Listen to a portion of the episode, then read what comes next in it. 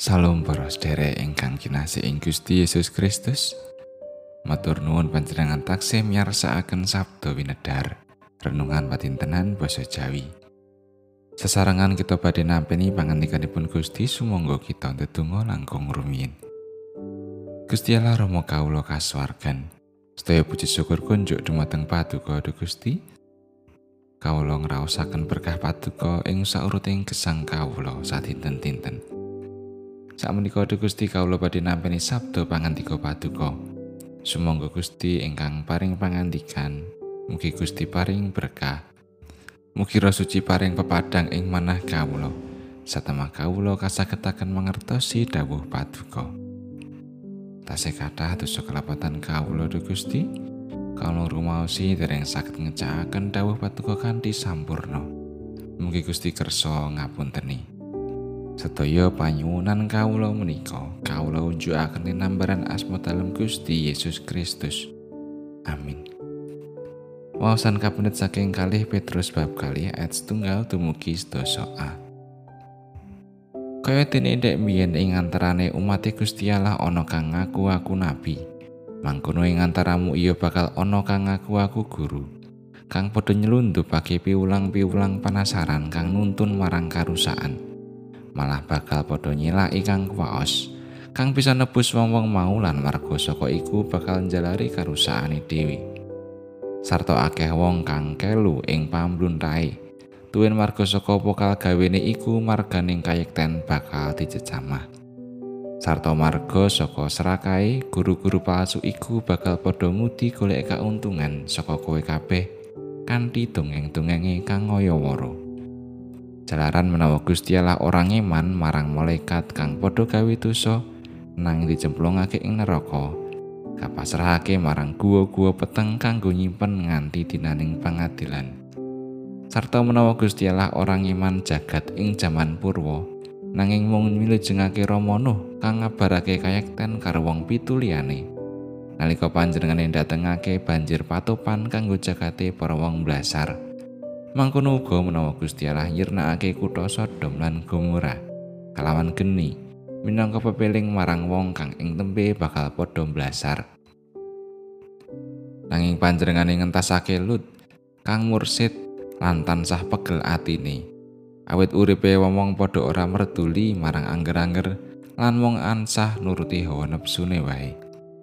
Jalaran wong mursid iku manggon ing satengahe wong-wong mau, sarta ing sadina-dina sumurup lan krungu pratingkah-pratingkahe kang blasar iku.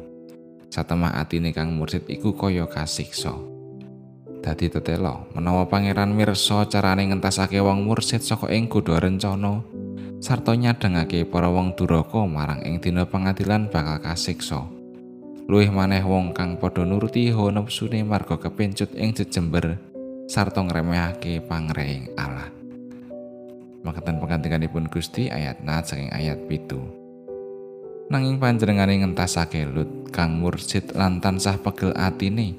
Awit uripe wong-wong padha ora merduli marang angger-angger lan mung tansah nuruti hawa nepsune wae. Ira-iraan becik ketitik ala ketara ing seratan nginggil mucal dateng kita. Bilih sok sinteno ingkang lampah gesangipun manut kalian paugeran, mesti kemawon badhe nemahi perkawis ingkang neng Kosak wangsulipun piyantun ingkang gesangipun namung nuruti pepinginanipun daging. Samangke badhe nemai kacilakan. Wawasan kita wekdal menika mujudaken serat saking Rasul Petrus ingkang kaping kalih tumuju dhateng pasawan ing kita Pontus, Kapadokia, Galatia, Asia lan Bitinia. Rasul Petrus prihatos bilih wonten papan kasebat kathah piucal palsu. Ingkang nasaraken iman pitadosipun tiang-tiang ingkang sampun manjing pitados dhateng Sang Kristus Yesus. Anggenipun paring pemut inggih lumantar kegambaran bab lampahipun Lot sederekipun Abraham. Lot gadah sikep tetep setya tuhu dhateng Gusti Allah. Sanaden ing Sodom menika tiang-tiang gesang namung manut kalian hawa nepsunipun. Kanthi gesang ingkang bangun miturut dhateng Gusti, pramila Lot lan praetipun kali saking bebentunipun Gusti. Ing satengahing gesang kita ing pundi kita dumunung, badya wonten dusun mewah kita, mesti kemawon kita abenajeng kalian piwucal ingkang nasaraken. Piwucal kala wau menawi dipun nut saged njalari tiang-tiang pitados menika lajeng nilaraken Gusti Yesus. Lot dados patuladan ing kitha Sodom. Nalika tiang-tiang menika gesang kanthi ngucah hawa nepsu, piyambake tetep setya tuh dhateng Gusti Allah. Teman kali saking paukuman. Menawi kita kepingin dipun wilujengaken kados dene Lot, samangke sumangga kita tetep tansah setya tuhu anggenipun kita nglampahi gesang menika. cunduk kalian dawuhipun Gusti. Kenging menapa mekaten? Awit ingkang setya tuhu badhe nampi makutaning gesang lan ingkang boten setya tuhu badhe nampeni paukuman. Becik ketitik ala ketara.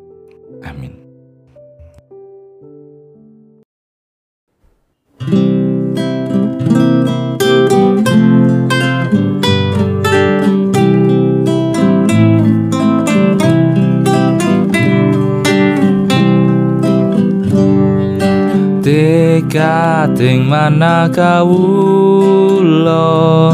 dan sanderek mring Gusti?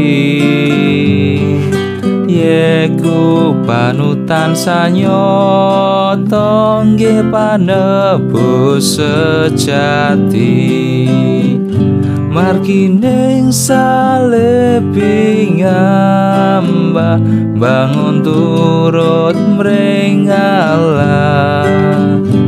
babarken Kentresno sejati Breca kata trembasuki.